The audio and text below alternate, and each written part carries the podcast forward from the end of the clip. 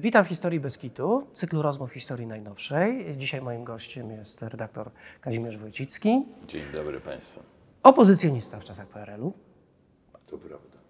dziennikarz, ale także osoba zaangażowana w bieżącą politykę i to w tym czasie, kiedy, kiedy, kiedy doszło do, e, do negocjacji między Polską a Niemcami, także w kontekście traktatu regulującego, regulującego e, e, kwestie granic. Pan był uczestnikiem tych wydarzeń. Także Potem zaangażowana w dialog polsko-niemiecki, chociażby poprzez to, że był pan dyrektorem Instytutu e, Polskiego Düsseldorfie w Düsseldorfie i, w I Lipsku. w Lipsku, tak. Dokładnie tak. A przy okazji autor takich pozycji jak niemiecki rachunek sumienia, Niemcy wobec przeszłości 1939-45 oraz niemiecka pamięć, czyli rozrachunek przeszłością BNRD. Chciałem z Panem porozmawiać na temat właśnie historii zachodniej części Niemiec po II wojnie światowej, czyli o Republice Bońskiej. Zacznijmy oczywiście od początku tego, tego państwa, mianowicie zacznijmy od, e, od e, lat 40., o tym, co się stało w Niemczech po 1945 roku. Wiemy, że Niemcy, wiadomo, przegrały wojnę, z drugiej strony zostały potwornie zniszczone. Niewielu Polaków wie, że w zasadzie wszystkie duże miasta, także wielkie miasta zostały zrównane z ziemią. Do tego napłynęły miliony uchodźców, pojawiła się skrajna bieda. No właśnie, co to był za kraj i jaki pomysł na ten kraj mieli e, alianci? No, trzeba rzeczywiście od tego zacząć, że ta klęska Niemiec była zupełna. E, e, To, co Pan powiedział o zniszczeniu miast, e, to jest prawda. E, Miasto takie jak Drezno, Hamburg zostały dosyć gruntownie zniszczone. Ale mm, z późniejszych studiów e, e, jednak wiemy, że e, ten potencjał przemysłowy Niemiec e, no, nie, nie był aż tak bardzo naruszony, co dało później, mm, e, było dobrym punktem startu do tego niemieckiego cudu gospodarczego. Mimo demontaży. E, Mimo, ale demon, demontaż to jest przede wszystkim no, e, całość Niemiec, ale najintensywniejszy jest w Niemczech e, wschodnich. E, Ale mm, trzeba mm, ten sam początek zanalizować. Po pierwsze, jest to klęska nie tylko militarna, nie tylko zniszczenia, ale klęska, bardzo głęboka klęska moralna. To jest, Niemcy zostały pokonane też w tym e, e, jak gdyby duchowo-moralnym sensie i to było od początku jak gdyby e, wiadome. Dalej układ terytorialny jest bardzo ważny. A mianowicie mamy cztery strefy okupacyjne. Tym niemniej w gruncie rzeczy podział jest na dwie części, no bo te trzy zachodnie strefy okupacyjne, aczkolwiek polityka aliantów w tych strefach była różna, różna polityka była amerykańska, brytyjska i francuska. Yy, Ta amerykańska stała się z czasem jak gdyby dominująca i ona zdecydowała o dalszym rozwoju Republiki Federalnej, ale trzeba pamiętać, że to były e, różne polityki, no ale oczywiście w zasadniczy sposób różna polityka, czymś zupełnie innym były Niemcy wschodnie. I teraz e, ważny jest e, taki aspekt, o którym się często zapomina, że mm, e, Amerykanie zajęli też na przykład część Saksonii, posunęli się znacznie dalej na wschód niż późniejsza granica. Natomiast e, Stalin się bardzo starał o to, żeby zająć Berlin. Notabene późniejsza dokumentacja, jego mm, e, e, korespondencja z, z prezydentem Stanów Zjednoczonych wskazuje, że on, no krótko mówiąc, e, kłamał i oszukiwał. No jak to dyktatorami tego typu bywa, a mianowicie starał się Amerykanów przekonać, że Berlin to będzie stolica zniszczonego absolutnie kraju, bez znaczenia i tak dalej. a w istocie mm, tych swoich marszałków e, dopingował do tego, żeby za wszelką cenę zdobyli e, Berlin. No bo zdawał sobie sprawę, że stolica jest stolicą i to jest e, symbol. Podział Niemiec ostatecznie stał się bardzo nierówny. E, Część ziem, e, to co Niemcy nazywali Niemcami wschodnimi, czyli Prusy, Pomorze i tak dalej, a co ostatnio przypomniała poli- polityczka mm, AfD, co już było prowokacyjne, że nazwała to Niemcami wschodnimi, bo ta nazwa zginęła, prawda? Niemcy wschodnie to dzisiaj jest były NRD, e, prawda?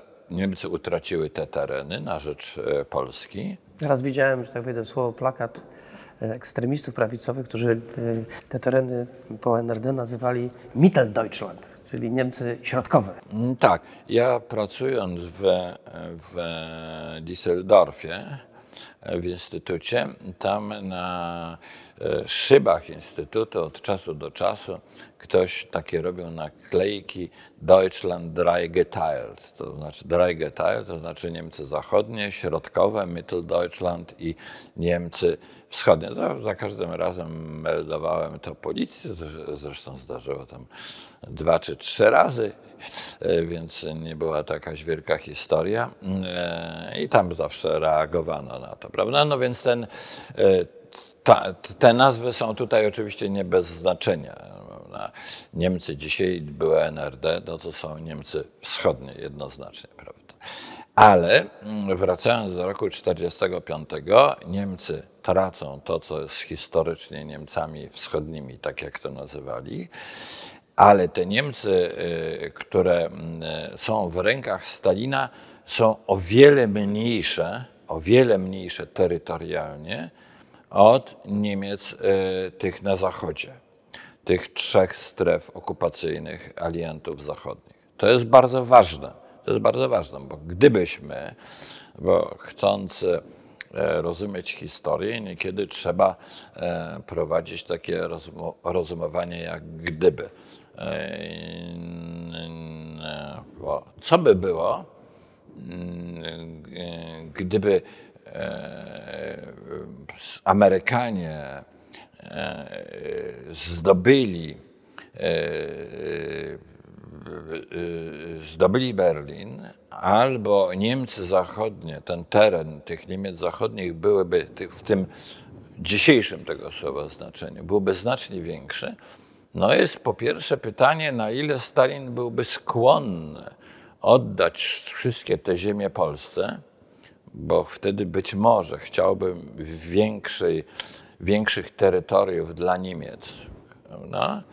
E, No, na, to jest kwestia Szczecina, gdzie właściwie w, czyj będzie Szczecin, to przez pewien czas się wahało, prawda? I wiemy, że zachowanie z Rosjan na terenach, na polskich ziemiach zachodnich przez pewien czas naznaczone było, no było dwuznaczne. E, No więc e, e, ostatecznie jest tak, że z uwagi na Berlin, e, Amerykanie, zachodni alianci oddają znaczną część tych swoich zdobyczy terytorialnych na terenie Niemiec i powstaje ta, e, ta spec, e, specjalny statut, zostaje stworzony Berlina. To jest bardzo ważne, bo to jest też historia Bońskiej e, Republiki. E, Berlin, mm, e, zwłaszcza po budowie muru, to są już lata 60., ale stanowi część historii tych Niemiec zachodnich. Mimo tego, że miał status oddzielny. Miał statut oddzielny, paradoksalnie, znaczy może nie paradoksalnie, byliśmy w, w Berlinie Zachodnim, byliśmy mm, my Polacy e, wciąż aliantami i nie potrzebowaliśmy wizy. No tak, tak.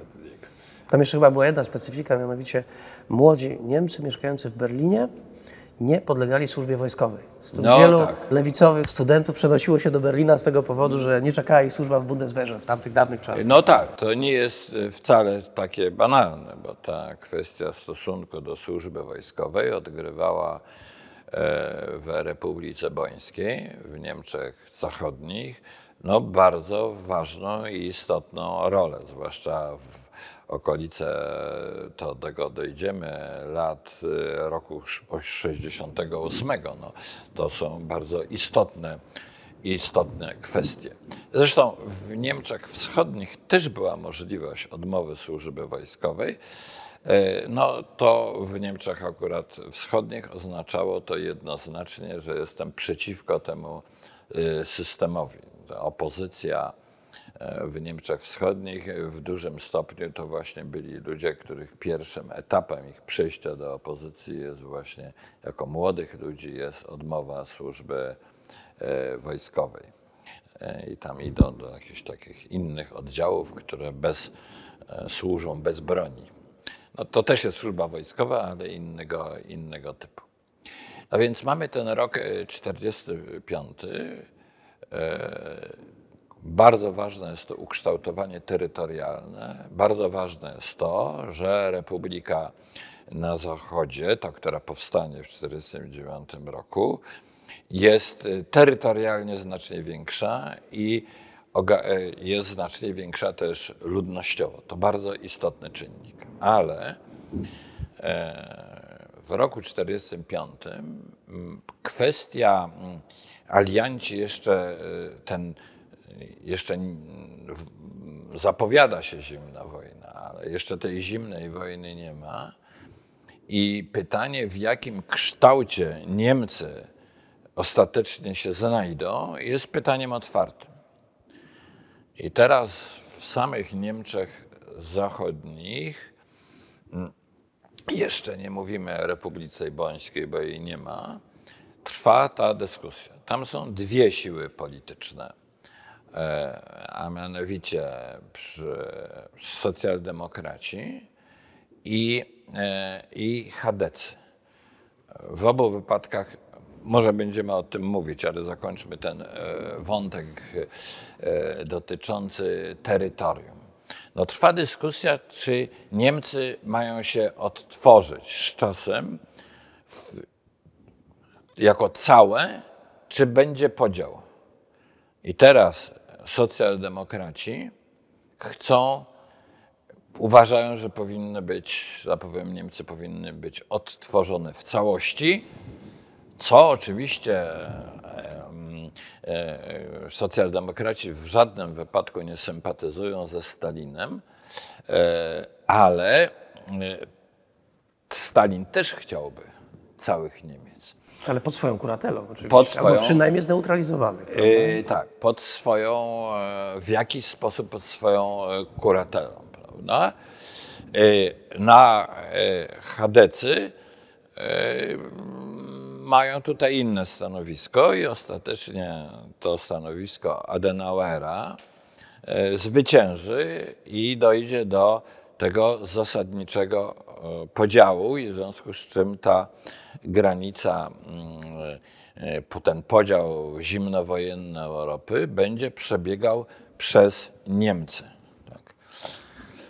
Dlaczego jest to takie istotne teraz z punktu widzenia historycznego? No bo znowuż, gdyby Niemcy w tamtym okresie zostały skonstruowane jako jedno państwo, państwo e, no, wtedy z konieczności neutralne, a w intencjach Stalina nawet państwo, które byłoby pod wpływem, e, silniejszym wpływem wschodu, no, nigdy by nie doszło do. Czy, zimna wojna no, nie mogłaby się zakończyć w taki sposób, jak się zakończyła.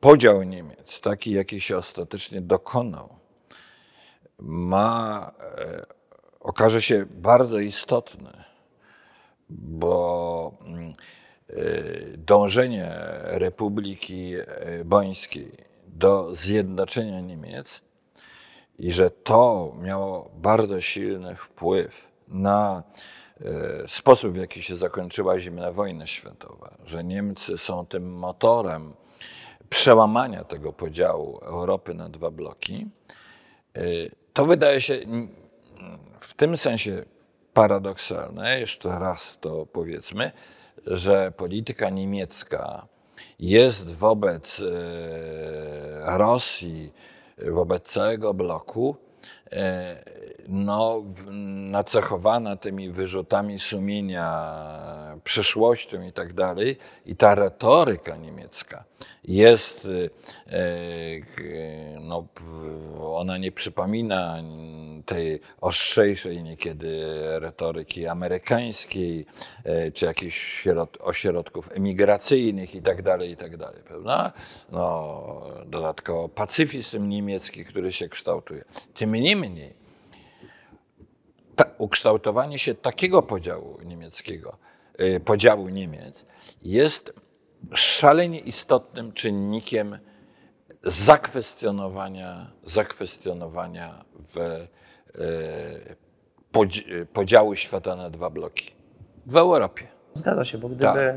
gdy mamy podzielone Niemcy, no to zjednoczenie Niemiec jest możliwe tylko poprzez to, że przezwycięży się porządek zimnowojenny. Gdyby Niemcy znalazły się po jednej czy po drugiej stronie żelaznej kurtyny jako całość, tego motywu w ramach tego państwa by nie lub było. na, na zasadzie jakichś umów na trwale zneutralizowane, to oczywiście to by historia mogłaby Europy się zupełnie inaczej mm, potoczyć. Ale czy ten wątek zjednoczeniowy, albo te dwie koncepcje, czy one się już ścierały w tych pierwszych wyborach e, parlamentarnych, gdzie tylko o włos niejako e, wygrali, E, prawda? Ten spór trwa od samego początku, chociaż trzeba powiedzieć, teraz mówiąc już o samej mm, Niemcach na zachodzie, trzeba powiedzieć, że no początkowo te różnice w tych strefach okupacyjnych, zachodnich, e, są znaczące różnice. Francuzi wciąż myślą o tym, żeby e, no, uszczknąć terytorium niemieckie i to zakończy się referendum w Sarze, który wygrają, wygrają Niemcy. E, Ale to jest polityka francuska. E, Polityka angielska mm, no, jest nacechowana mm, mm, no, takim daleko idącym pragmatyzmem. E, Natomiast polityka amerykańska jest e, nacechowana no, tendencją, żeby Niemcy, Niemców rzeczywiście wiarą, że Niemcy mogą zostać zdemokratyzowane. To jest, e, ta polityka amerykańska polega na tym, że e, Niemcy od samego początku dostają wolne media. E, To oczywiście i w tych wolnych mediach można już krytykować również władze okupacyjne. Też pozwolono zakładać i działać partiom tak, politycznym. I działać partiom politycznym i tak dalej. Czyli to jest, to jest w gruncie rzeczy przede wszystkim polityka amerykańska. Taka, no, Plus denazyfikacja, tylko właśnie. Na E, No oczywiście udało. nie. Te, te dawanie licencji na prasę i tak dalej, ono nie jest bezwarunkowe. E, To daje się tym ludziom, tym dziennikarzom, którzy, których biografia wskazuje na to, e, no jest jednoznaczna, że nie mieli mm, e, jakichś związków e, z nazizmem. E, No to jest, to jest oczywiste, prawda? Ta, ale mm, e, to nastawienie amerykańskie jest bardzo ważne i one wynika też z doświadczeń historycznych, bo przypomnijmy teraz dzieje Niemiec po I wojnie światowej. Niemcy zostały daleko poniżone, w cudzysłowie, sobie, sobie zasłużyły sobie na to, ale reparacjami i tak dalej. I tym tłumaczono między innymi dojście Hitlera e, do władzy. No, na ile jest to prawdziwe doświadczenie? No po prostu Hitler był bandytą, złym człowiekiem i, i, i mm, e, jest wiele przyczyn, dla których on e, e, zwyciężył e, w, w Niemczech tam w latach, w latach 30. Ale to doświadczenie I wojny światowej, że jak się kogoś pokona, to nie należy go e, poniżać, tylko dać mu szansę, oczywiście uwarunkowaną odpowiednimi, no, przestrzeganiem odpowiednich zasad, to było decydujące dla polityki amerykańskiej. I czasami historia potrafi jednak czegoś nauczyć. No może nie, nie historia, tylko politycy mogą się niekiedy czegoś, e, czegoś nauczyć z historii. Prawda? I to mm, e, teraz znów to ma bardzo daleko idący wpływ na e, przebieg całej debaty rozrachunkowej, kształtowanie się kultury e, e, politycznej Niemiec. Ale na samym początku kwestia e, już nie rozrachunku z historią, bo to nadejdzie z czasem, ale kwestia odpowiedzialności odgrywa ogromną rolę. No, bardzo ważne to jest oczywiście proces norymberski. Proces norymberski. Jednocześnie e, opinia światowa domaga się tego, żeby e, no, Niemcy w pełni odpowiedziały za to, co się stało, no, aż po jakieś skrajne pomysły, że należy e, nie wiem, wykastrować wszystkich mężczyzn. Były takie skrajne, że tak powiem, To plan Morgenthau no, w zamianie Niemiec w, że tak powiem, w kraj rolniczy to był dość umiarkowany w takim No, żeby właśnie mają zostać krajem rolniczym i tak dalej, i tak dalej. I ta atmosfera oczywiście procesu norymberskiego też sprzyja pytaniom, na ile wszyscy Niemcy są odpowiedzialni. I tutaj należy przywołać e, bardzo wybitnego myśliciela, który się nad tym e, zastanawiał e, w bardzo wyrafinowany sposób na to pytanie odpowiedział od, o, e, o odpowiedzialności Niemiec. To jest Karl Jaspers. Wszyscy wiemy, bardzo wybitny filozof, który mm, e, przetrwał w Niemczech. E, No, na marginesie jego żona była Żydówką, a on już miał bardzo poważną pozycję jako, jako filozof, był wśród takich tych czołowych, czołowe nazwiska niemieckiej filozofii. Ja rozumiem, że nie był w żaden sposób wykłany z nazizmem, tak jak chociażby żaden. Heidegger na początku. tak W żaden sposób, w żaden sposób nie był uwikłany. Jego pozycja, że tak powiem, antynazistowska była znana. Jego żona była Żydówką i on po prostu zagroził, e, że jeżeli mm, e, oni przyjdą, żeby ją zabrać, to on się otruje i trzymał cały czas truciznę przy sobie. E, No, w taki sposób ocalił żonę i, i przetrwał przetrwał ten okres e, nazizmu. No, jednym słowem, był postacią, którego no, postawy nie można było zakwestionować.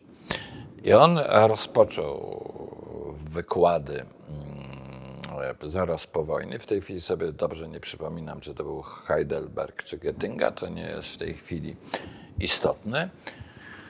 I te wykłady stały się treścią takiej rozprawy e, pytanie o winę. Jak e, m, to jest, e, jeżeli mówimy o historii Niemiec i kultury politycznej, to e, lektura tej pracy jest konieczna, przynajmniej znajomość jej głównych tez, jak te kwestia odpowiedzialności Niemiec i w jaki sposób Jaspers o tym rozstrzygał. A mianowicie on powiedział, no nie może być odpowiedzialności zbiorowej, bo to jest wbrew całej tradycji, zasadniczej tradycji europejskiej. Ale ta sytuacja Niemiec jest szczególna, a dodajmy w gruncie rzeczy, e, mówiąc o Niemczech, e, on nam wszystkim podpowiedział, że jest to sytuacja szczególna społeczeństw, które przeżyły totalitaryzm. I podzielił tą winę, mm, nazwał różne, może nie tyle podzielił winę, co e, nazwał różne rodzaje winy. Powiedział, że jest wina kryminalna. No i bardziej, że tak powiem, no, oczywisty rodzaj winy. Ktoś mordował, strzelał, zabijał i tak dalej. Teraz dalej jest wina polityczna. Ktoś był później w Niemczech, to jest popularny, e, taki oskarżycielski termin, sprawca z zabiórka. On nie zabijał, nie był na froncie, ale to wszystko planował, Czyli przypadek Eichmana. uzasadniał, prawda? E, W taki czy inny sposób. E, No, tak jak Goebbels był propagandistą, no, no to do dzisiaj, jeżeli ktoś posługuje się mową nienawiści, a będzie to miało jakieś przykre skutki, no można powiedzieć, że w myśl e, tej e, klasyfikacji win Jaspersa może być zakwalifikowany jako winny. Tak? Dalej jest wina moralna. Wina moralna, czy ktoś, mm, jak się ktoś zachowywał wobec zbrodni, czy się w jakikolwiek sposób jej przeciwstawiał, czy był całkowicie obojętny, czy może miał tylko tyle odwagi, ale że się jednak dystansował w jakiś sposób, odsuwał na bok, nie chciał w jakikolwiek sposób no, uczestniczyć w, w tle nawet w tym, co się działo. No i wreszcie jest wina metafizyczna. Mianowicie e, Jasper zadał pytanie, no dobrze, ale jeżeli ktoś przeżył taki straszny okres, czy nie jest już w jakiś sposób winny? Bo przypatruje się temu, no i, i tak, no nie, nie, nie stał się też ofiarą. Ten zakres tych zbrodni jest tak ogromny, że niebycie wśród ofiar jest też rodzajem winy, win, e, winy metafizycznej. No, to jest niewątpliwie w dużym stopniu no, pewne przetworzenie e, myśli chrześcijańskiej, że człowiek się jest zobowiązany, e, są takie sytuacje, poświęcić za innego e, człowieka, prawda? Czy no, takie postacie jak Korczak, e, później to będzie bardzo silne w filozofii Lewinasa, że e, to poświęcenie się, to już jest judaizm, ale poświęcenie się za drugiego e, człowieka i tak dalej. No, to jest ogromnie ważny e, esej, ponieważ e, e, sk- możemy sobie wyobrazić Jaspersa, e, że wykłada nad e, Uniwersytecie Niemieckim. Komu wykłada? W ogromnym stopniu młodym mężczyznom, którzy wrócili z frontu. Którzy wrócili z frontu, których, dla których jest to no, ich pytanie, co oni robili. Też młodym kobietom, które służyły w różnego rodzaju służbach pomocniczych, prawda? No i jest druga praca. E, Druga praca Friedricha Meinek. E, e, To jest historyk, bardzo wybitny, jedna z wielkich postaci historiografii e, niemieckiej. I ta praca, e, jej tytuł jest bardzo charakterystyczny. Deutsche Katastrophe, niemiecka katastrofa. E, Dlaczego ta książka jest taka ważna? Ponieważ mm, e, e, niemiecka klasyczna historiografia, która się kształtowała tam od Rankega, Sibeliusa i tak dalej przez drugą połowę XIX wieku, no była takim mm, nacechowana pewnego typu triumfalizmem.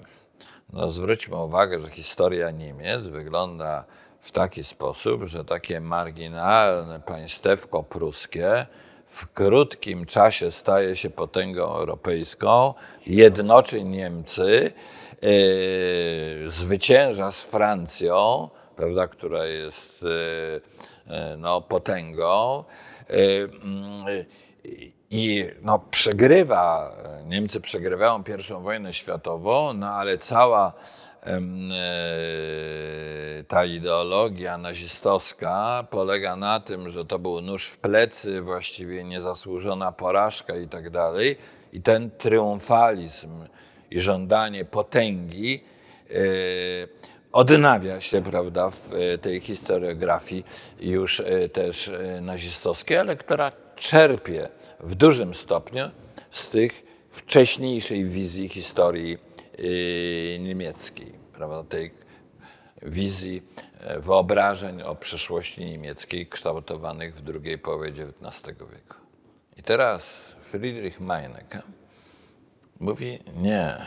Historia Niemiec była okropna. Ona to nie jest historia Europy, e, tej Europy z jej wartościami.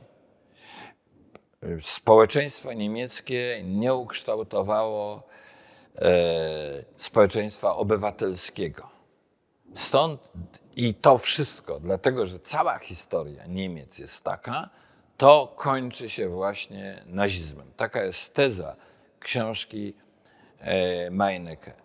I jeszcze raz tytuł Niemiecka katastrofa. Historia Niemiec, nie samego nazizmu okresu 33-45, zakończyła się katastrofą. Czy ja dobrze rozumiem, to znaczy, że on postawił zarzut taki, iż my Niemcy zbyt bardzo gotowi jesteśmy być poddanymi władców, a oni nas doprowadzili do katastrofy? No, Mniej więcej w tym, w tym, w tym, w tym to by się dało tak streścić. Potocznie. Tak. E, No ale w, w takich czasem potoczne zrozumienie jest najistotniejszym zrozumieniem. I mm, te e, dwie prace, e, e, to co przechodzi do tego szerszego dyskursu niemieckiego z tych dwóch prac, Jaspersa i, i, i staje się czymś, co zaczyna kształtować z czasem mm, całą kulturę niemiecką polityczną i w ogóle niemiecką politykę. Ale pan powiedział z czasem, to znaczy, że to nie jest powszechny pogląd, który gdzieś tam w debatach do, dominował w latach 40., prawda? Nie, nie.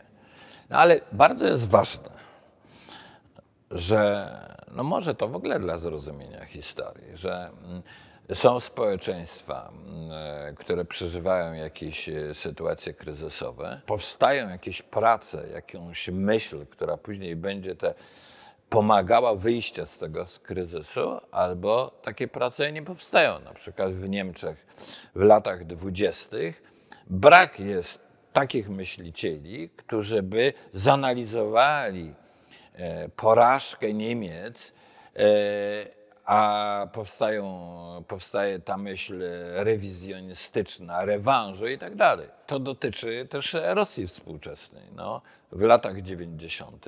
nie powstała taka myśl rosyjska, która by e, zanalizowała, dlaczego Rosja przegrała zimną wojnę.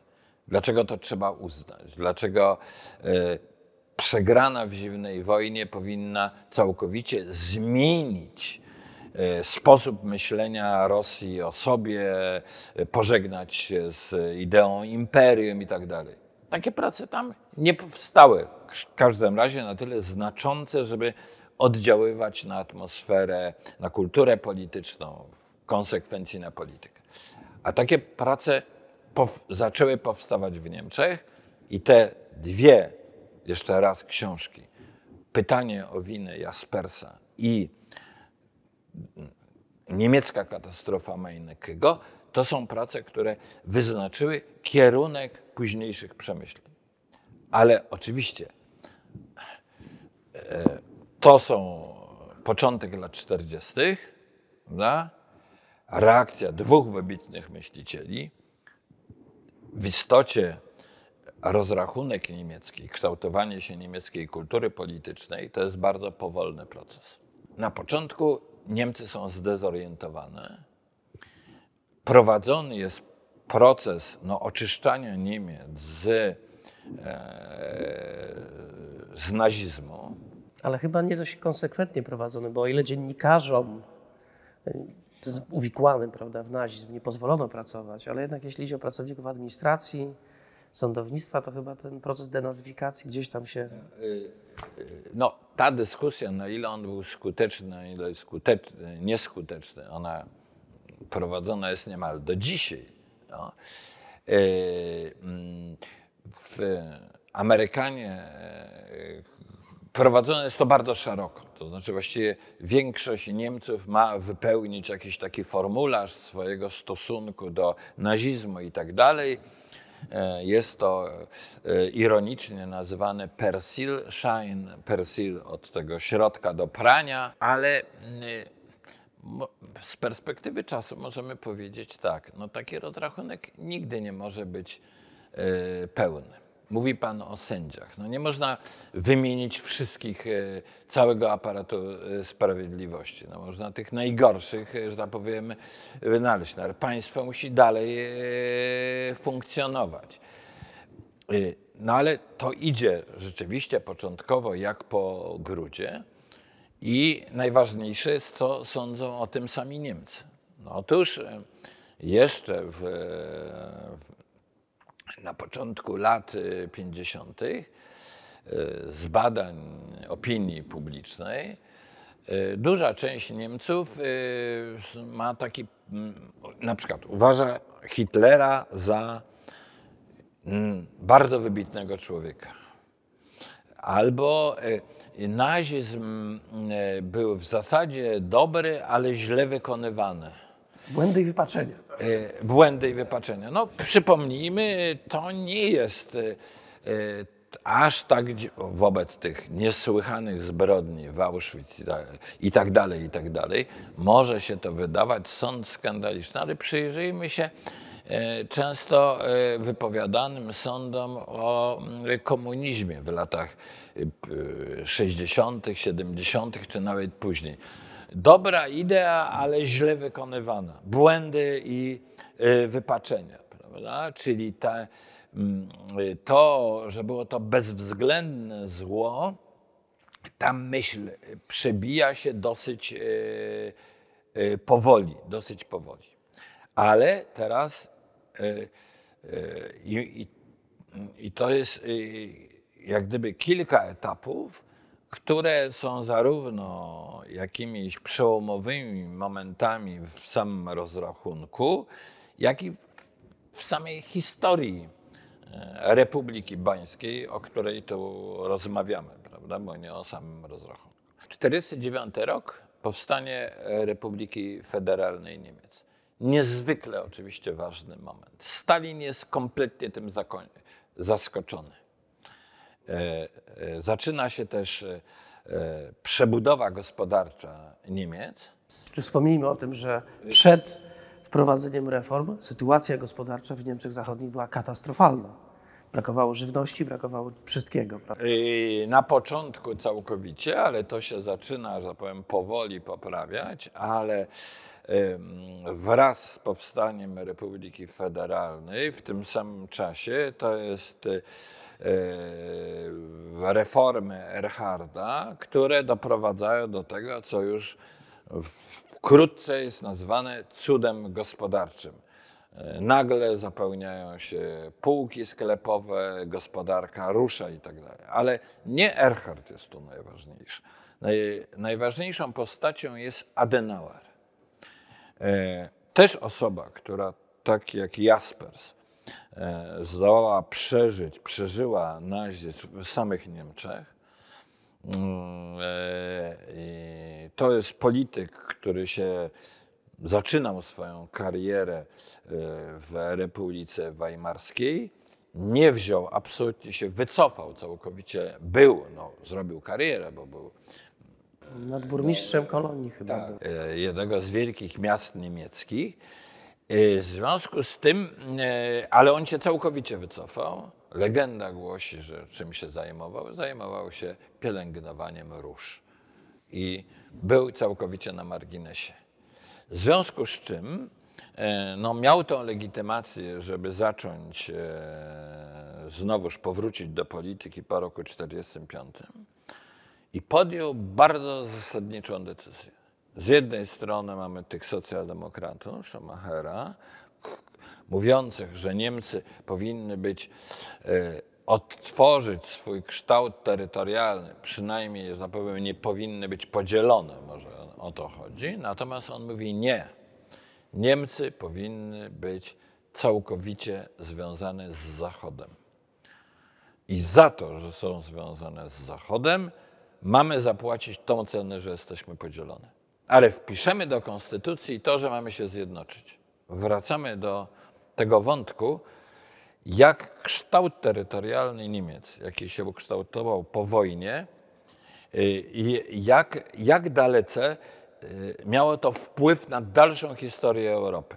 Pytanie moje jest takie, na ile ten wątek zdecydował o tym, że Adenauer o włos, ale wygrał, prawda? A na ile może kwestie gospodarcze, bo z tego co kojarzę, socja- socjaldemokraci mieli zupełnie inny pomysł na to, jak odbudowywać gospodarkę. Oczywiście były to pomysły oparte upaństwowienie, prawda, gospodarki, pewnie wprowadzenie jakichś mechanizmów planowania, podczas gdy to- Adenauer poszedł w kierunku odtworzenia gospodarki rynkowej. No, to bardziej, to bardziej jest skomplikowane. To nie jest takie proste. Dokończmy ten wątek z Adenauerem. Wygrał jednym głosem, w ten sposób został kanclerzem. Słyszałem anegdotę, że nawet go zapytano, na kogo zagłosował. On powiedział, no oczywiście na siebie. Tak. E, To są wszystko anegdoty, no ale szalenie ważne, bo zwróćmy uwagę, jak e, e, drobne różnice tutaj mogły zadecydować o któryś sposób by inaczej się zachował po jednej czy po drugiej stronie, no czy nie, po stronie chadeckiej. No, bardzo przecież to były pełne emocji dyskusje. No, więc wybór Adenauera no, do pewnego stopnia był decydujący dla e, historii, dalszej historii nie tylko Niemiec, i, ale i Europy. Ale i Europy. Adenauer był przekonany, że Niemcy e, powinny być związane z Zachodem. Powinny być związane z Zachodem. Socjaldemokraci e, tak nie uważali, bo dla nich kwestie ustrojowe były ważne, a ponadto no, y, ta teza Adenauera, że będziemy z Zachodem, e, też mm, od razu wyznaczała e, pewien stosunek do e, mm, pacyfizmu.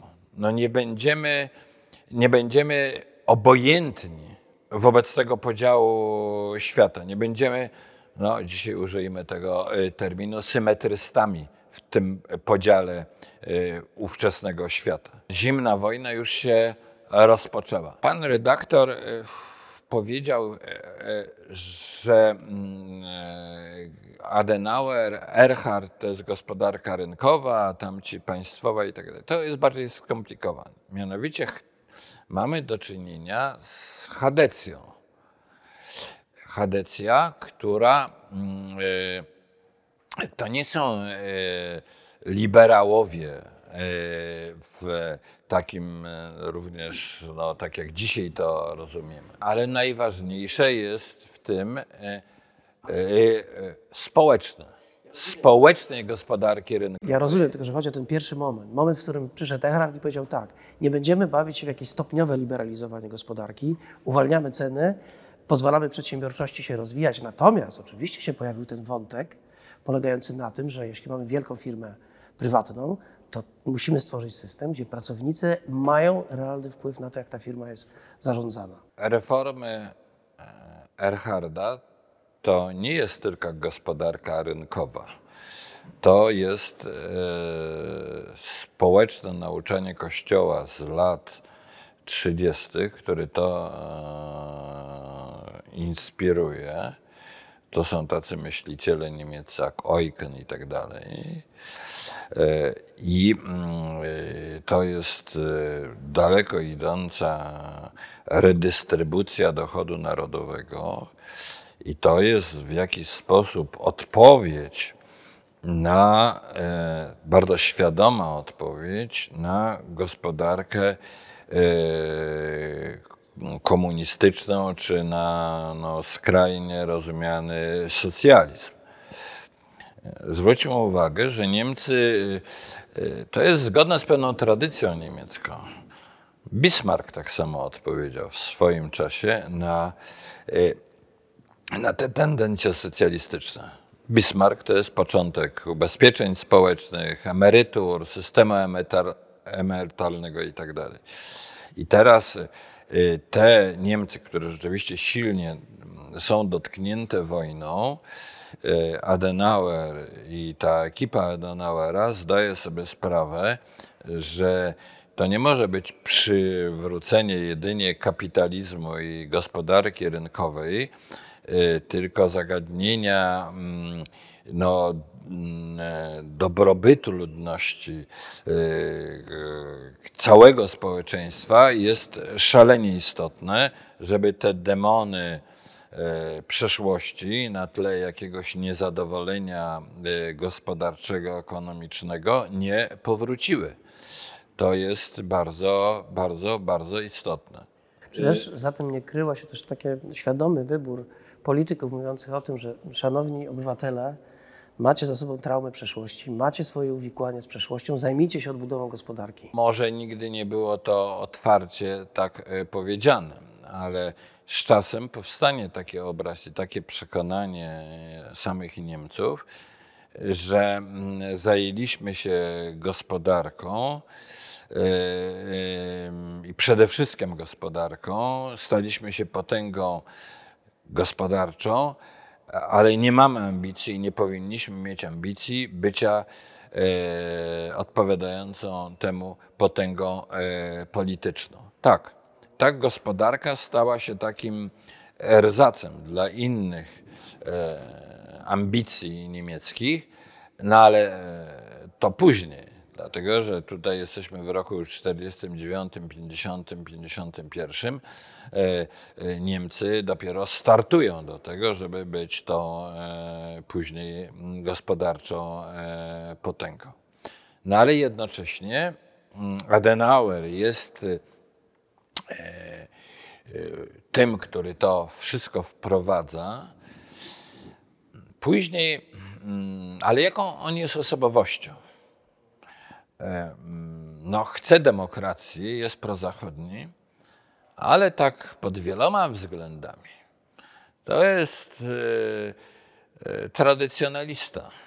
To jest e, też osobowość dosyć, no, w cudzysłowie autorytarna, bo nie w tym sensie, żeby to miało wpływ na politykę, ale on, wiemy z jego pamiętników i e, ludzi, którzy go obserwowali, on jest bardzo nieufny wobec Niemców. I uważa, że e, to, żeby Niemcy były z Zachodem, żeby była demokracja, to trzeba no, być e, zdecydowanym. I to zresztą widać, bo jeszcze raz wspomnijmy o tym, mamy początek lat 50., są badania opinii publicznej, a Hitler jest wciąż no, największym Niemcem. Nie dla wszystkich oczywiście, ale dla znaczącej części e, opinii publicznej. Ale partie skrajnie prawicowe chyba jednak nie zdobywały wielkiej ilości Nie, głosów. nie. mimo to- Wtedy w ogóle partie skrajnie prawicowe w ogóle nie były możliwe. Był taki nieprzyjemny epizod, że mm, y, w angielskiej strefie wpływów FDP, Wolni Demokraci, zostali podkopani przez, e, od dołu, jak gdyby przez, mm, mm, przez właśnie byłych działaczy nazistowskich. No i to zakończyło się jakimś skandalem, odpowiednimi no, oczyszczeniem tej partii i tak dalej, i tak dalej. No ale ta sprawa przeszłości cały czas wraca. Pierwszym takim momentem, kiedy Adenauer no, tak widoczny sposób się musi z tym skonfrontować, jest kwestia stosunków z, z Izraelem. E, Izrael w ogóle nie chce mieć żadnych stosunków z Niemcami. No zrozumiałe po tym, co się, co się e, e, wydarza. I teraz Adenauer inic- in, jego, że tak powiem, polityką jest, żeby się jednak w jakiś sposób nawiązać kontakt z Izraelem, żeby odpowiedzieć na to, y, znaczy okazać się odpowiedzialnym wobec tego, co się stało w, e, podczas e, wojny, jeśli chodzi o stosunki. Po prostu Zbrodni, no, odpowiedzialny wobec tej niebywałej zbrodni, jakim był, e, jakim był e, Holokaust. Dodajmy jeszcze wtedy, tej nazwy nie ma, prawda? I ta świadomość, czym, był, y, czym była zagłada Żydów, narasta po wojnie. Adenauer chce na to odpowiedzieć. y, Chce odszkodowań y, dla Izraela, dla społeczności żydowskiej, która reprezentuje tę społeczność żydowską. I bardzo ciekawe, w Bundestagu na początku lat 50. musi się posłużyć głosami opozycji. Czyli socjaldemokratów. Tak. Żeby Dlaczegoż by takie odszkodowania. Aha, to znaczy jego partia nie w pełni popierała ten E, pomysł. Tak, a to świadczy, jak e, no, jednak ten proces rozrachunku, jak szedł po grudach, prawda? I jakiego uporu Adenauera wymagało to, żeby jakby y, to postępowało y, naprzód. To nie jest tylko kwestia samego rozrachunku. Coraz bardziej stawało się jasne, że Niemcy, jeżeli mają powrócić na scenę międzynarodową, w polityce międzynarodowej, to muszą dokonać tego rozrachunku. Że to jest ich legitymizacja w ogóle, żeby powrócić do, do polityki e, światowej. Z czasem e, polityka gospodarcza Erharda daje wyniki. To są kolosalne osiągnięcia gospodarcze lat 50., ale ten cień wojny wisi cały czas nad Niemcami wraz z narastającym e, pro- problemem zimnej wojny. Oczywiście mamy tutaj śmierć Stalina w 1953 roku, co też stanowi ważną tutaj cezurę. Ale powrócę jeszcze do tego wątku, konser- wątku dotyczącego konserwatyzmu Adenauera, ale chyba i społeczeństwo niemieckie i ustrój no, no był, że tak powiem, typowy dla państwa konserwatywnego. Dlaczego to mówię? Bo niedawno wyczytałem, że po pierwsze, homoseksualiści byli karani więzieniem w Niemczech do połowy, do początku lat 70. Przykład pierwszy. Przykład drugi. Kobieta w Niemczech cieszyła się pełną wolnością, póki nie była zamężna. Kiedy stała się małżonką, to mąż decydował o tym, czy może pracować, to mąż musiał dać zgodę na otworzenie konta. Jeżeli kobieta chciała otworzyć konto, to wreszcie mąż y, wyrażał zgodę na to, czy może zrobić prawo jazdy, czy nie. Mówimy o państwie demokratycznym niemieckim lat 50. i 60. No, Ma pan w pełni rację. Nawet po wojnie miało to bardzo szczególny wyraz, ponieważ Niemcy powojenne, mówimy cały czas o Niemczech, Niemczech Zachodnich, no to jest bardzo wielka liczba kobiet samotnych. E, Część mężczyzn nie wróciła e, z wojny. Te kobiety muszą dbać o własny, własny los. To między innymi jest związki ich z żołnierzami amerykańskimi i tak dalej. E, I teraz ci mężczyźni w pewnym momencie wracają. E, No i można powiedzieć, z powrotem zaganiają te kobiety do, do kuchni. Do tego, no, ten model Kinderküche. E, Kirche, czyli dzieci, kuchnia, kościół. Jest taka głośna historia, że taka samotna kobieta, energiczna, jest e, w jednym z miast niemieckim szefem e, komunikacji tramwajowej. Przyjeżdża jej mąż i jej tego zabrania. Tak? Więc ma pan rację. Tu konserwatyzm niemieckiego społeczeństwa e, jest też cały czas obecny w tle. E, oczywiście mm, słowo konserwatyzm jest bardzo wieloznaczne i bardzo je trudno dokładnie zdefiniować. E, zacznie się z czasem dyskusja, co było przyczyną e, w ogóle nazizmu, na ile konserwatyzm, e, szkoła frankfurcka powie, że osobowość autorytarna będzie usiłowała to nazwać. Co to jest ta osobowość autorytarna? Te, wtedy będzie pytanie, na ile to jest, z jakimi rodzajami konserwatyzmu jest to związane i tak dalej, i tak dalej. To będzie, ale to będzie trochę późniejsza, jak gdyby e, dyskusja, chociaż od samego początku no, dyskusja o tej przeszłości jest e, bardzo, że tak powiem, e, istotna. No, e, na przykład dyskusja, czy po e, Auschwitz można pisać w ogóle wiersze. Wydaje się, że Bardzo dobre pytanie. Jakieś, jakieś absolutnie. Wydaje się, że jakiś absolutni tacy jajogłowi e, mogli postawić takie pytanie. Nie, ale w tamtym e, czasie nie było to e, pytanie tylko intelektualne, prawda? Było to pytanie o, o Selana, o jego wiersz Pijemy czarne mleko i tak dalej. Niesamowity wiersz właśnie o tych zbrodniach nazistowskich. Ale ten, zwróćmy uwagę, ten rozrachunek, pojawia się ta myśl o tym, czym była wojna i co z tym należy zrobić, pojawia się w świecie intelektualnym, natomiast duża część, ogromna część społeczeństwa jeszcze yy, to pytanie do, niej, do nich nie dochodzi. Dzieci, dzieci jeszcze nie zaczęły pytać rodziców, co robiłeś w czasie wojny. To No tak, pan już wybiegł w latach 60. Wciąż to społeczeństwo niemieckie y, tkwi y, w takim y, no, jakiejś niepewności. Ten dobrobyt gospodarczy, cud gospodarczy jakby ukrywa pewne problemy. Z drugiej strony bardzo ważne jest, że obserwuje się to, co się dzieje w NRD.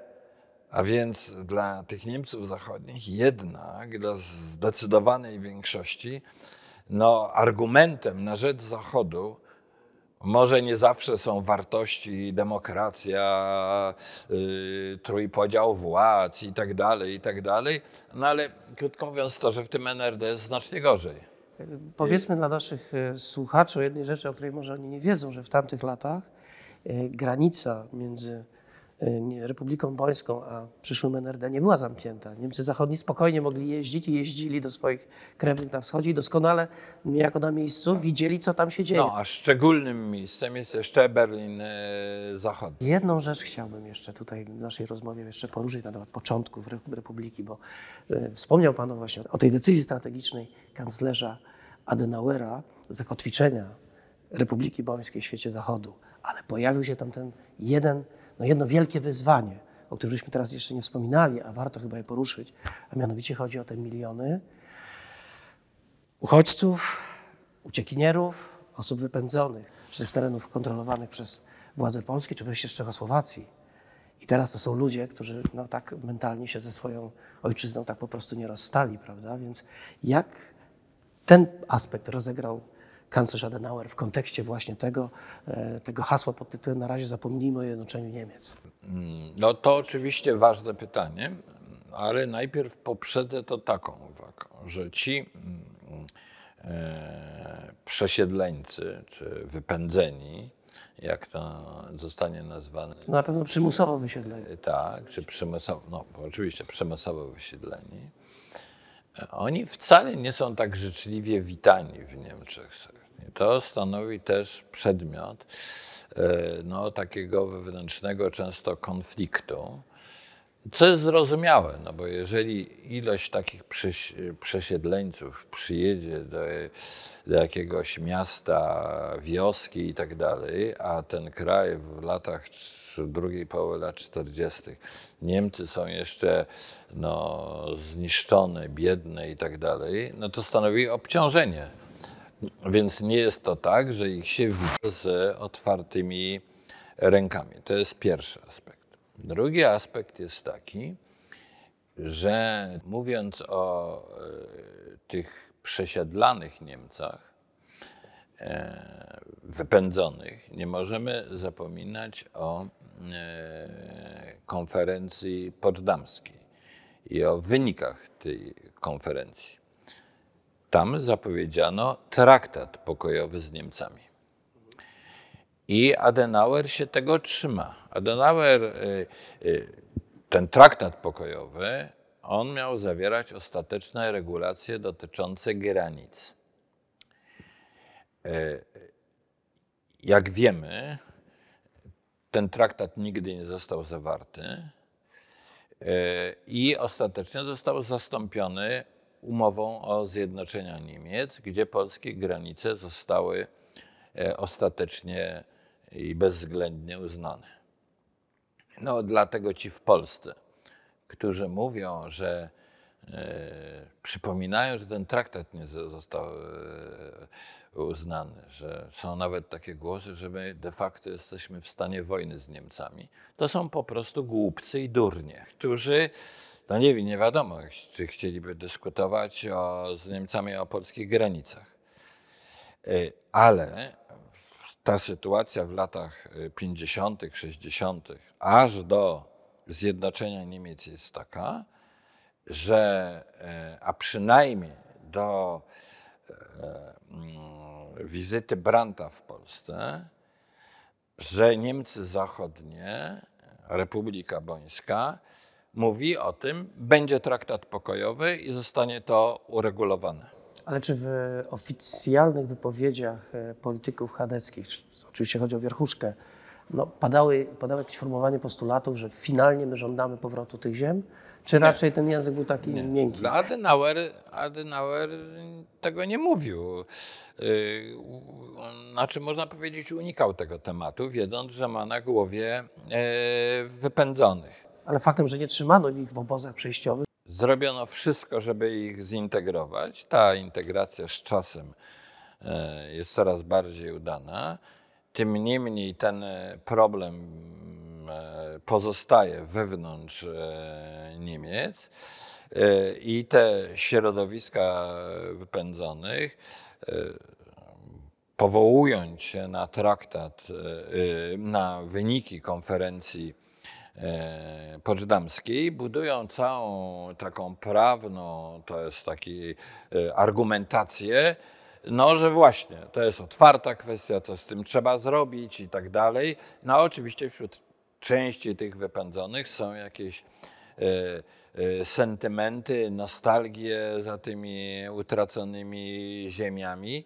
no, ale chyba ten sentyment świetnie w Polsce znany. Mamy przecież potomków e, Polaków mieszkających na wschodzie, którzy ten sentyment też e, No, on jest, on, to oczywiście można porównać, ale trzeba powiedzieć też, że to jest troszkę inaczej, dlatego że no, polskie kresy, e, ja nie bardzo lubię to pojęcie, powinniśmy z niego zrezygnować, bo chyba e, no, z całą pewnością tego pojęcia nie mogą lubić mm, ani Ukraińcy, ani Białorusini. Tak jak, e, no bo taka nostalgia do ziem, które już nie przynależą do nas, musi w jakim, jeżeli ona jest jakoś tak mm, no, nieprzemyślana, mm, jest konfliktowa dla tych, którzy są w posiadaniu e, Lwowa i tak dalej. W przypadku, no tak samo jak dla nas, jeżeli by Niemiec przyjechał do Wrocławia i by jakąś taką nieopanowaną nostalgię za, e, za miastem Breslau e, demonstrował, no byłoby to denerwujące i na pewno, że tak powiem, budziłoby polski opór. Zrozumiałe absolutnie i uzasadnione. Tylko, że y, Prusy Wschodnie, znaczną część, Pomorza. No, jeżeli weźmiemy pod uwagę miasto e, Wrocław, Breslau e, wcześniej, są to e, ziemie, to nie jest jakieś mieszane kresy, tylko tak jak były kresy polsko-ukraińskie, polsko-białoruskie i tak dalej, tylko to były ziemie naprawdę historycznie niemieckie, prawda, historycznie niemieckie. W związku z czym najprawdopodobniej ta nostalgia, czy mm, trzeba było bardzo przebudować jak gdyby całą opowieść o historii Niemiec, żeby y, jakby tego balastu, tej nostalgii się y, pozbyć. Bo dodajmy jeszcze jedną rzecz. Kto zjednoczył Niemcy? Prusy. Tak? Czyli należało w jakiś sposób zinterpretować całą mm, e, historię Prus. E, e, wracamy do Majnekego. Kształtowanie się współczesnej historii niemieckiej to jest przebudowa całego obrazu historii, długotrwałego obrazu historii niemieckiej. To nie jest tylko przepracowanie okresu 33-45 i powiedzieć, i powiedzenie, to były straszne zbrodnie, przyznanie tego i tak dalej, i wzięcie za to odpowiedzialności, to wymagało przebudowy całego obrazu historii Niemiec, niemal od samego, od samego początku, aż od bitwy w Lesie Teutoborskim. Przypominam, to jest taki epizod, że jakiś legion rzymski się zaplątał tam koło e, roku w pierwszym e, wieku naszej ery, zaplątał się i dostał lanie od Germanów. W historiografii tej dawnej, tradycyjnej niemieckiej, no to było pierwsze zwycięstwo Niemców nad Francuzami. A? E, no bo tak to działa w wyobraźni masowej. No w naszej wyobraźni zwycięstwo nad zakonem krzyżackim jest utożsamiane nad zwycięstwem z Niemcami. Dużo, A to dużo. są dwa różne pojęcia jednak troszeczkę, prawda? Dużo, dużo później, dużo, dużo później e, zostanie to obśmiane w takim głośnym artykule w Szpiglu, że to żadne wielkie zwycięstwo i tak dalej, że, e, czyli, ale dlaczego to anegdotycznie przywołałem? Przebu- konieczna jest przebudowa całej opowieści o historii Niemiec, po to, żeby zbudować w Niemczech e, demokrację. To jest absolutnie niezbędne. No więcej, to dotyczy też e, kanonu literackiego. Co czytają Niemcy przed wojną? Kanon literacki, czyli te najbardziej popularne utwory, które no, są w szkole, kształtują świadomość i tak dalej. No przede wszystkim, żeby to na jakimś wybranych przykładach. Jednym z bardzo popularnych pisarzy niemieckich przed wojną jest Freitag. E, e, scena często Wrocław. E, jacy są Polacy tych e, jego powieściach? E, no, krótko mówiąc, są dalece niesympatyczni, oszuści i tak dalej, i tak dalej. No i ten Freitag, tak, no to Freitag był jednym z tych bardzo popularnych pisarzy, gdzie no, ten antypolonizm nie był głównym wątkiem jego powieści, ale to było obecne.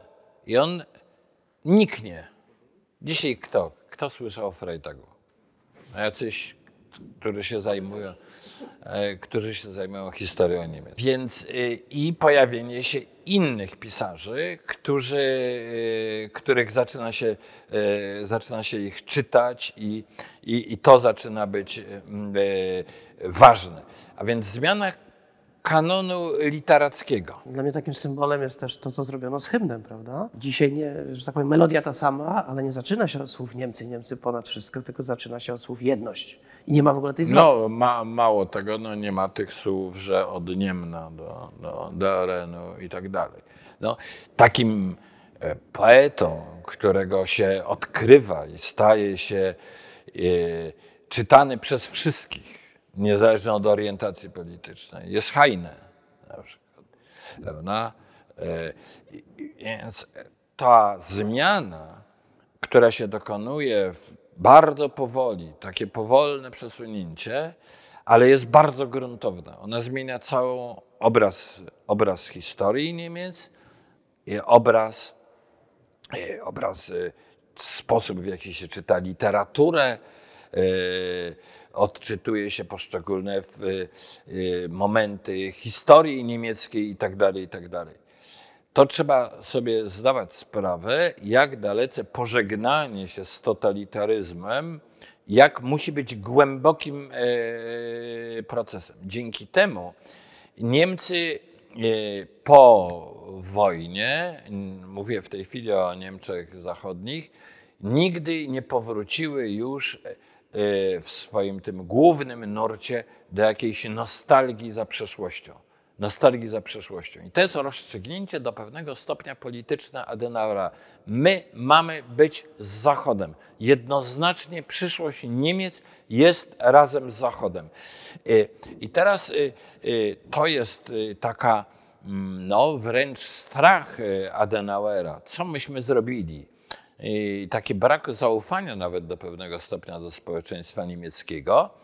Y, Dopiero na tym tle nabiera, mm, można zrozumieć, e, znaczenie e, z takiego stwierdzenia Brandta, już, to są już lata 60., odważyć się na demokrację. Bo wracając do, do Adenauera, Adenauer ch- chce demokracji w Niemczech, ale nie wierzy Niemcom, że już są demokratami.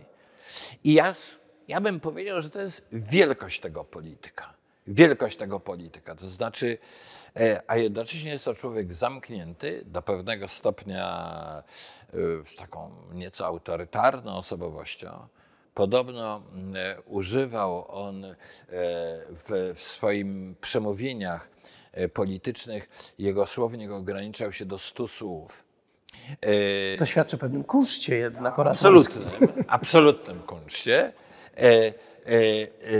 ale bardzo nacelowane na to, jeszcze raz, Niemcy mają być demokratyczne, Niemcy mają być związane z Zachodem, a jednocześnie rozumiejąc tą sytuację, to co pan pytał, on pomijał pewne kwestie, odsuwał na bok. Będzie traktat pokojowy, to będziemy rozwiązywali sprawę, e, sprawę granicy. Chociaż powiedzmy sobie szczerze, że y, politycy chadecy byli zawsze obecni na zjazdach ziomkowstwa, prawda, wypędzonych, no ale to jednak chodziło na pewno o to, że mamy tutaj dwumilionową klientelę wyborczą, no, o którą trzeba dbać. E, No tak, ale jednocześnie o Adenauerze e, krążyły takie anegdoty, że Niemcy, dla niego prawdziwe Niemcy kończyły się na Łabie. On był, on był nadreńczykiem i tam uważał, że dalej to już jest Azja. No, nasi rodacy często nie, wie, nie, nie wyłapują tego, że nawet przecież w dialekcie różnice między Saksończykiem a Bawarczykiem, czy też ewentualnie nad, y, mieszkańcem Nadrenii są ba, bardzo duże, prawda? I często ludzie z północy potrafią nie, nie rozumieć do końca Niemców z południa. No, to, to poruszył Pan, czy wywołał Pan bardzo ważny temat, a mianowicie, że od samego początku Niemcy y, zachodnie kształtują się jako kraj federalny. Y, I mm, y, to ma tło tego jest wielorakie. Z jednej strony odtwarza się mm, e, no, takie historyczne krainy, Bawaria i tak dalej. Nie do końca, bo to jest też związane z tymi podziałami administracyjnymi, e, związanymi z, ze strefami okupacyjnymi i tak dalej. E, To jest odwołanie się też do historii Niemiec, ale tej, że tak powiem, przednacjonalistycznej, że, że Niemcy właśnie są rozmaite i, i tak dalej, ale też bardzo ważne, to stanie się bardzo ważnym czynnikiem gospodarczym. Konkurencja między landami uważana jest dosyć powszechnie przez ekonomistów za e, bardzo ważny czynnik e, cudu gospodarczego. I, a jednocześnie podział na landy, to, że to są e, no, w jakimś zakresie osobne państwa, ma być lekarstwem na niemiecki nacjonalizm. I te patriotyzmy e, lan, lokalne, chciałem powiedzieć, landowe, są e, e, ważnym, e, stają się ważnym czynnikiem również kulturowym, co ma również odpowiednik w to, co Pan mówi o dialektach i tak dalej. Ja kiedy pracowałem w Düsseldorfie w instytucie, to wielokrotnie słyszałem, to była ulubiona taka anegdota, która mnie jako Polakowi była przez Düsseldorfczyków e, opowiedziane, że jak Fryderyk, e, że król pruski przyjechał do Düsseldorfu, to był obrzucony pomidorami bo my nie jesteśmy Prusakami. Czyli w ogóle takie, że zjednoczenie Niemiec to była okupacja pruska dla Adrenii. To są wszystko oczywiście, e, to już były e, te opowieści z e, lat 80., ale to jest w jaki sposób, jaka była percepcja historii. Nie duma z, ze zjednoczenia Niemiec, tylko jak zjednoczenie, jak to był trudny proces i te nasze landowe tożsamości są dla nas bardzo ważne. To jest ten termin, który też przeszedł do, częściowo przyszedł do Polski. Termin Heimat w tym sformułowaniu niemieckim. Miłość do swojej małej ojczyzny. W przeciwieństwie do Vaterland, czyli miłość Przeci- do całego kraju. To w przeciwieństwie do jakiegoś takiego bardzo ogólnego e, e, no, przywiązania do całości państwa. Oczywiście w Polsce ten termin mógł się przyjąć tylko mm, w ograniczonym stopniu, bo Polska jest bardzo mm, jednolitym e, krajem wskutek przesiedleń, zmian granic i tak. Natomiast w Niemczech ten federalizm natrafił na historyczny grunt, różnice językowe i stał się bardzo istotnym elementem demokracji niemieckiej. Bo przypomnijmy o tym, są wybory do Bundestagu, to jest kadencja, ale w międzyczasie są wybory landowe. I te wybory landowe stanowią takie e, sygnały, jak się zmienia e, polityka. Nie tylko w landzie, ale jak się zmieniają nastroje w całych Niemczech. Te wybory są dosyć częste, są dyskutowane. Oczywiście wybory w Bawarii są tylko w Bawarii, a nie w danym momencie w Saksonii. Ale ci Saksończycy też obserwują, w, mówiąc o Niemczech Zachodnich, mówimy o Dolnej Saksonii, prawda? O, obserwują to i, i, i, dyskutują, co zmienia się w Bawarii, a co się zmienia w Dolnej Saksonii, a co się zmienia w Naderenii. Federalizm jest niezwykle ważnym składnikiem e, demokracji niemieckiej i jest on taki od samego początku. Niemcy, y, Republika Bońska zostaje ukształtowana jako państwo federalne. Podsumowując naszą pierwszą rozmowę, no mogę stwierdzić jedną rzecz, że ten cały proces budowania demokracji, wybór dotyczący Niemiec Zachodnich, prawda, i przezwyciężania przeszłości, widać, że to jest to była ciężka robota samych Niemców. To nie jest proces, który może inicjowali, ale nie prowadzili Amerykanie, prawda? Sami Niemcy z siebie zmierzyli się ze swoją przeszłością, tak? a też i podjęli tę decyzję strategiczną. E, I tak i nie, ponieważ jednak e, no, ta e, opieka i kontrola przede wszystkim Amerykanów jest dosyć znacząca. Ona jednak wyznacza polityce niemieckiej pewne ramy. Dodatkowo przeszłość jest cały czas przypominana i wtedy jest to. Czyli taki element dyscyplinujący. Jak.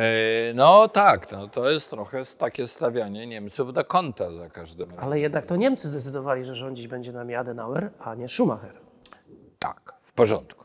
Okej. Okay. Tylko nie zapomnijmy o, o tym zewnętrznym czynniku, który jest tutaj istotny. Ta dyskusja wraca dzisiaj. Bo mówimy tak, Niemcy zostały pokonane i dzięki temu zostały zdemokratyzowane. Dzięki tej totalnej klęsce i niejako narzucenia jej demokracji. E, a w każdym razie kontroli nad tym procesem dochodzenia i kształtowania się demokracji, kontroli zewnętrznej. No, to pytanie dzisiaj dotyczy Rosji. Rosja zostanie pokonana, w wojnie z Ukrainą, w wojnie z Zachodem. No, ale wtedy się mówi, no ale czołgi nie wiadą na Plac Czerwony. Co będzie z Rosją? Ta analogia między Niemcami a, a Rosją, y, no, też nam służy jednak do y, analizy dzisiejszej sytuacji. No, pytania, na ile musi się zmienić kultura rosyjska, te głębiej, kanon literacki i tak dalej, y, co z pewnymi wątkami Dostojewskiego, a nawet Puszkina i tak dalej, gdzie ten imperializm jest obecny. No, y, więc ta lekcja niemiecka jest bardzo istotna, ale nie zapomnijmy, że tu jest ta kontrola Zachodu nad, nad Niemcami przez y, dłuższy czas. Tak jakby pan sugerował, że dzięki tej kontroli udało się w Niemczech uniknąć powtórzenia scenariusza budowy po, budowy po klęsce nie funkcjonującej demokracji, tylko demokracji weimarskiej.